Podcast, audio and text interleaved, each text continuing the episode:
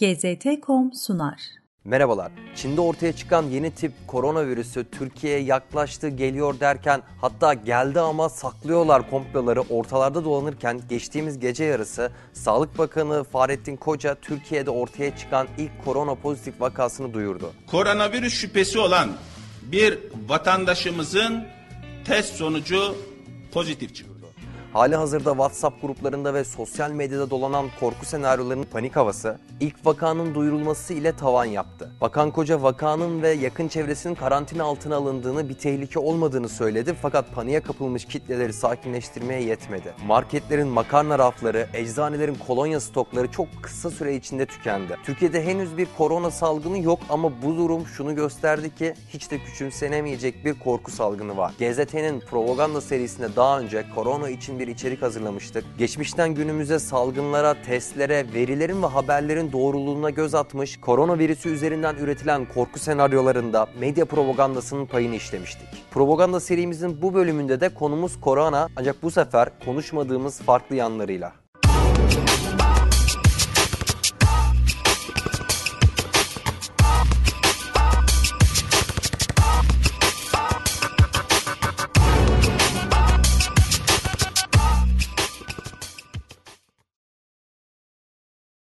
Korona salgını korkusu artık sadece bir virüs salgını korkusu olmaktan çıktı. Hastalıkla ilgili ortaya atılan yalan haberler toplumsal psikolojiyi hedef alan bir boyuta ulaştı ve bu durum en az hastalık kadar toplumsal sağlığı tehdit eden bir potansiyel taşıyor. Tam olarak bu potansiyelin içeriğini konuşmak istiyorum. Ancak öncelikle koronavirüsüne bir kez daha bakalım. Şu ana kadar tutulan istatistiklere göre koronavirüste hastaların %80'inin hastalığı evde atlattığı, %18'inin profesyonel tıbbi yardım alarak atlattığı, ölüm oranının ise %2 civarında olduğu iddia ediliyor. Bu verilere bakarken şunun altını çizmemiz gerek.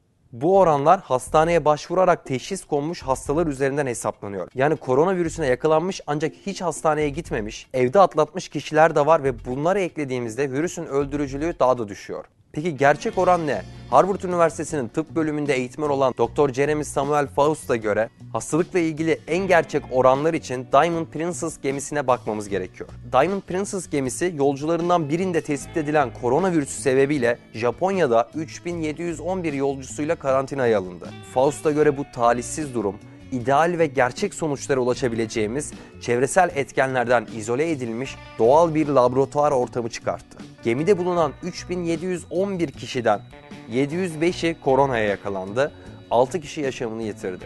Bu da oransal olarak %0.85'lik bir ölüm oranına tekabül ediyor.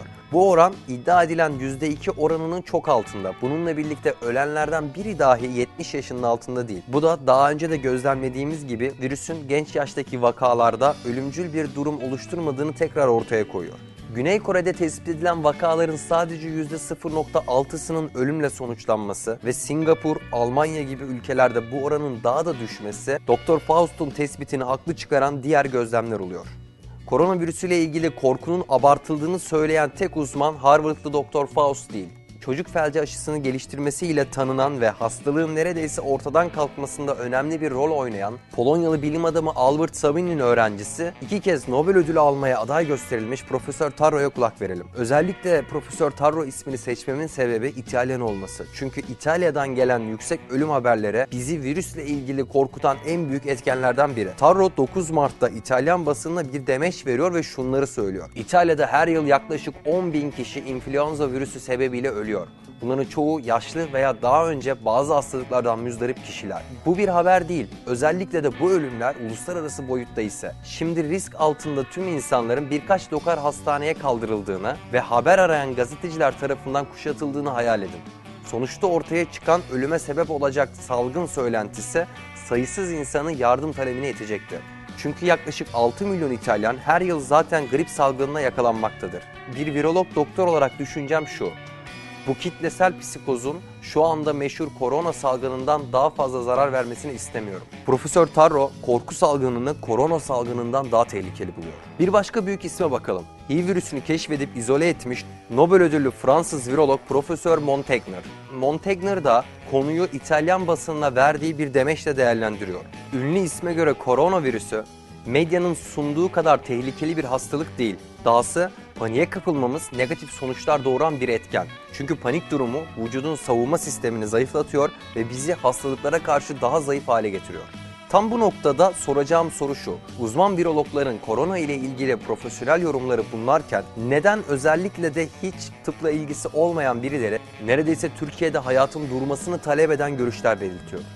İşte bu nokta koronavirüsünün gerçekliğinden kopup bir propaganda aracına dönüşerek siyasallaştığı nokta. İtalyan filozof Profesör Paolo Becci bu durum için çok güzel bir isimlendirme kullanıyor. Biyopolitika.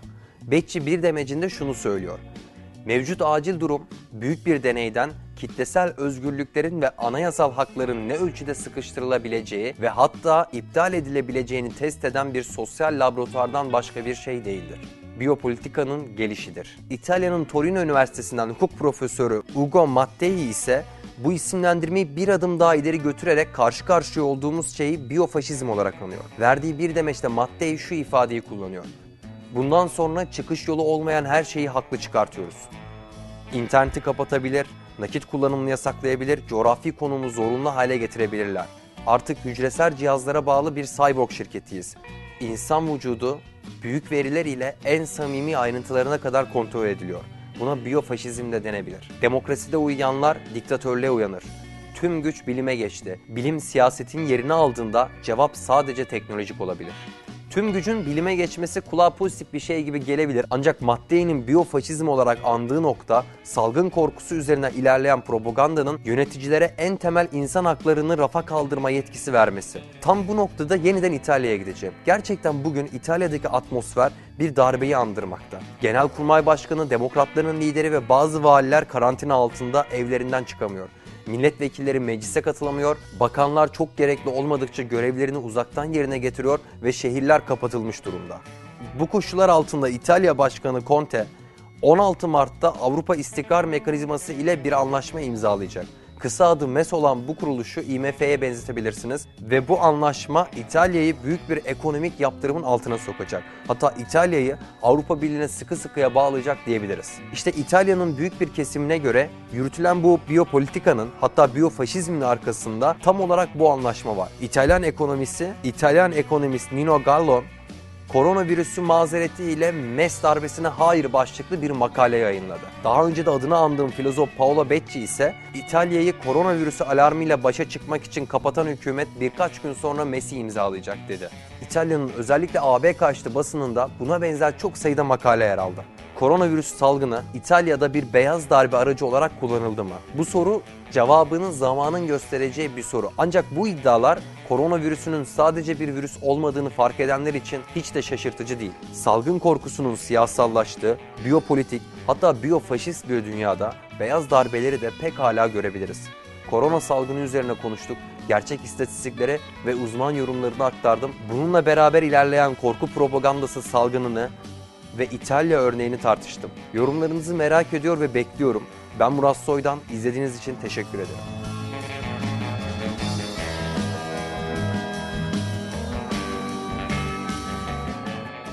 GZT.com sundu.